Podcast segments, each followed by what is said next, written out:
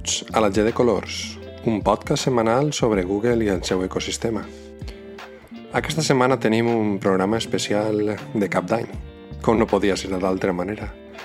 S'acaba l'any i toca recapitular què ens ha ofert Google en aquest 2022 i què podem esperar del 2023 pel que fa a productes de la companyia de la G. Jo sóc Josep Monjo i comencem.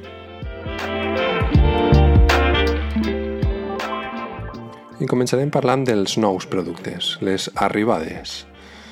I començarem pel rellotge Google Pixel Watch. Segurament el producte que més expectació va causar va ser este, el rellotge de Google. Rumorejat durant molt de temps, la gent esperava doncs, això, un producte que pogués competir de tu a tu amb, amb l'Apple Watch, que és el, el rellotge intel·ligent per excel·lència. Segurament per això la decepció ha estat tan gran. Primerament perquè el producte ni tan sols s'ha llançat oficialment al nostre país. I segon perquè es tracta d'una primera generació, diguem. I com a tal està repleta de rades eh, que no tenen altres productes del mercat com el ja mencionat d'Apple o el mateix Galaxy Watch de Samsung. En aquest podcast ja, ja hem parlat sobre el rellotge més profundament i ho podeu trobar en els capítols 5 i 6 si teniu curiositat. L'any 2022 també ens ha portat dos nous eh, mòbils de Google, el Google Pixel 7 i el Google Pixel 7 Pro. Eh, bé, veníem de la sèrie 6 del Pixel que va decebre.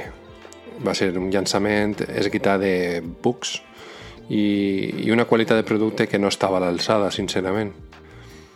En canvi, la sèrie 7 de Pixel ha, ha deixat, jo crec que una molt bona sensació. I fins i tot, molts mitjans i influenciadors especialitzats en el tema el consideren el telèfon de l'any. Jo, a nivell personal, en el temps que porto usant-lo, estic, la veritat, que molt content i, i ja és dir, venint d'un iPhone 13 Pro Max. I un altre telèfon que ens ha deixat el 2022 és el de gamma d'entrada, el Google Pixel 6a, que és la versió econòmica de la gamma Pixel i que la veritat és que ha rebut molt bones crítiques per la seva relació qualitat-preu. És un, una experiència Pixel per pocs diners. I seguim amb productes físics que s'han presentat este any 2022 amb els eh, auriculars, els Google Pixel Buds Pro, per primera vegada Google llançava uns auriculars Pro, entre cometes. Però perquè tenen cancel·lació activa de soroll i el resultat jo crec que ha estat prou satisfactori. Es tracta d'uns auriculars còmodes, eh, amb bona qualitat d'àudio i una bona integració amb el que són els productes Pixel. Però tot siga dit de pas sense arribar al nivell d'integració i de qualitat de so que tenen els AirPods Pro. I tot això eh, pel que fa al maquinari i pel que fa al programari tenim dues presentacions de dues versions d'Android al llarg de 2022, la qual, la qual cosa no és massa habitual, però varem tindre la presentació de Android 12L, que és una nova variant d'Android per a pantalles més grans i que permet una millor adaptació en tauletes i millora el que és el treball en pantalla partida, per exemple. La seva presentació augurava funcionalitats enfocades a la, a la que ha de vindre, a la Pixel Tablet. I l'altra versió d'Android que varem tindre és l'actual, la, l'Android 13. La nova versió d'Android era presentada sense massa novetats respecte a la 12, Eh, però, eh, no obstant això, les poques novetats que, que incorpora sí que són, són interessants. A més d'aprofundir en l'experiència de Material U, tenim la possibilitat ara de triar l'idioma individualment de, de cada aplicació i un nou selector d'imatges també millorat. I d'altres més ja a nivell estètic, com podia ser un accés directe al lector de codis QR i nous fons animats. I com ja és tradició en Google, no només ha presentat coses noves, sinó que n'ha llevat d'algunes que ja existien. La més sonada, sense dubte, és l'eixida del catàleg de productes de Google de Google Stadia. Google Stadia és la plataforma de videojocs al núvol que no va acabar mai d'arrencar eh, en l'imaginari col·lectiu gamp dels jugadors, malgrat que jo crec que era un bon producte, que jo mateix he usat prou. El tancament, això sí, ha estat eh, modèlic, amb la devolució de les compres de jocs i, i de maquinari. És a dir, també de, no només de jocs, sinó també de, del que és els comandaments i els Chromecast. Que, de fet, ja, jo mateix ja, ja, ja m'ho han ingressat, ja m'han ingressat la devolució. A més a més, el mitjà Android for All fa una curiosa recopilació dels altres productes que Google ha tancat al llarg de 2022 i la veritat és que molts, molts d'ells ni, ni tan sols sabia que existien. Vos faig uns 5 cèntims d'ells. Mira, eh, està Android Things, que és una plataforma per a internet de les coses, que ha tancat en 2022. Cameos on Google, també era una eina que permetia a famosos respondre a preguntes freqüents sobre ells mateixos. Ni sabia que existia. Google Assistant Snapshot, era el successor natural de lo que és Google Now i permetia veure informació rellevant sobre, sobre el teu dia, també tancat. Google Suite Free, és a dir, el pla gratuït de les eines de Google amb domini personalitzat, és a dir, el tindre el nostre propi Gmail, el nostre propi Google Calendar amb, el, amb un domini propi. Això era gratuït, Eh, I bueno, els que ja érem usuaris sí que ens hem pogut quedar, sempre i quan es tracte per a fer un ús personal i no comercial, però els demés s'han hagut de passar al pla de pagament. Altre producte, Google Duo, l'aplicació de videotelefonades de Google, que finalment va acabar igual, passant el mateix eh, destí que l'aplicació de xat Google Allo, és a dir, un, un fusionat. La veritat és que hi ha massa, massa aplicacions de Google que fan, fan el mateix, així que jo crec que sí que té sentit fusionar aquelles que són similars. I és el que ha passat amb Google Duo, que s'ha unit amb Google Meet, i és el que ha passat amb Google Hangouts, que també ha deixat d'existir en 2022 i, i ha passat a fusionar-se amb, amb Google Chat. Després tenim Android Auto en smartphones. L'aplicació que permetia usar Android Auto al cotxe sense que, sense que tinguem un cotxe compatible amb Android Auto doncs també ha desaparegut. Ha desaparegut en favor de, de l'ús o bé de Google Maps amb la integració en les aplicacions de música o bé amb el que es coneix com a Google Assistant per a conducció que no és altra cosa que, que el mateix és Maps i un xicotet menú amb les aplicacions que podem usar en companyia de Maps mentre estem conduint, que són poques, són majoritàriament de multimèdia.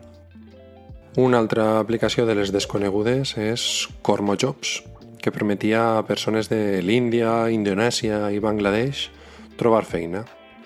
I el que també ha desaparegut en 2022 és Google Chrome Apps.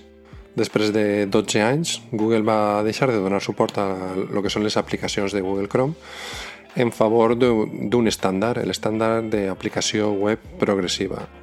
I jo crec que això eh, és una bona notícia, perquè el sistema d'aplicacions de Chrome és un sistema tancat, mentre que el sistema de Progressive Web App és un, és un estàndard que, que funciona en, en molts altres navegadors, no només en Google Chrome. I una altra víctima de Google en 2022 ha, ha estat l'aplicació YouTube Go, que és la, la versió, diguem, lleugera de, de l'aplicació de YouTube per a mòbils amb, amb recursos més limitats.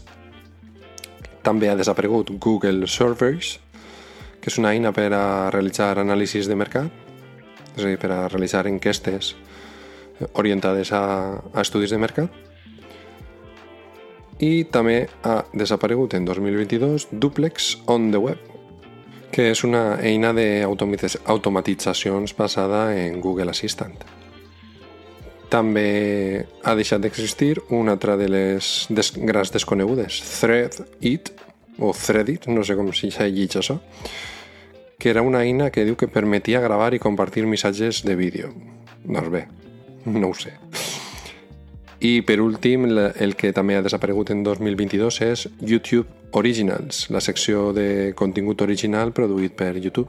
Bé, com heu vist, la llista de, de productes que han desaparegut és prou més llarga de la, de la llista de productes que, que han que s'han originat en 2022. De tota manera, eh, si teniu curiositat per el tema, perquè Google és molt de, de llançar un producte, provar-lo, si no funciona el lleve.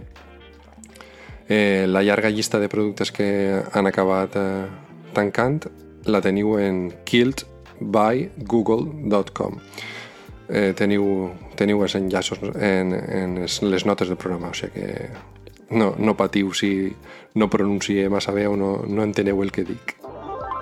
I passem ara a parlar del què vindrà. Què, vin què podem esperar el 2023 respecte a productes de Google? I és que aprofitant la filtració publicada per Android Authority sobre el roadmap de Google per al 2023 i fins al 2025, podem conèixer en detall els productes que s'esperen per al proper any. El primer d'ells, el Pixel Fold, que seria el primer telèfon plegable de Google i aterrarà aquest mateix 2023. S'espera que no siga precisament econòmic, ja que el mercat de plegables és encara molt, molt de nínxol i això farà que costi al voltant, diuen, dels 1.800 euros. No, no crec que siga jo el públic objectiu d'aquest tipus de telèfon.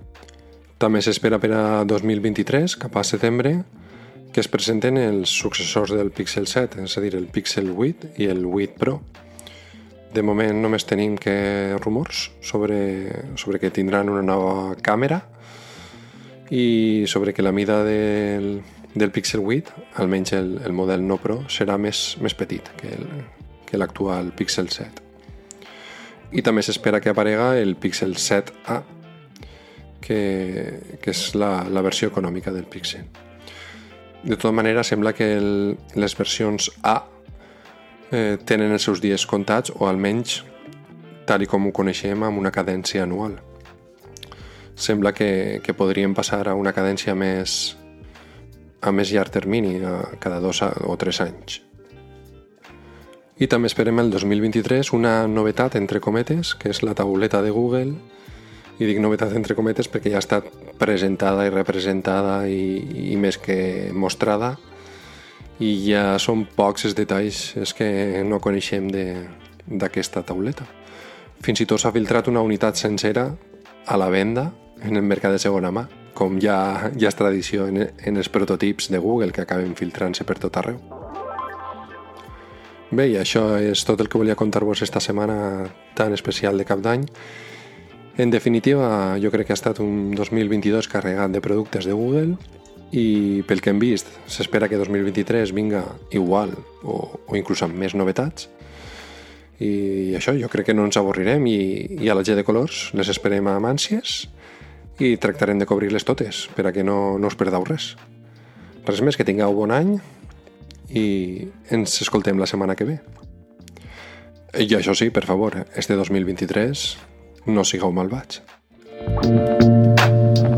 Thank you.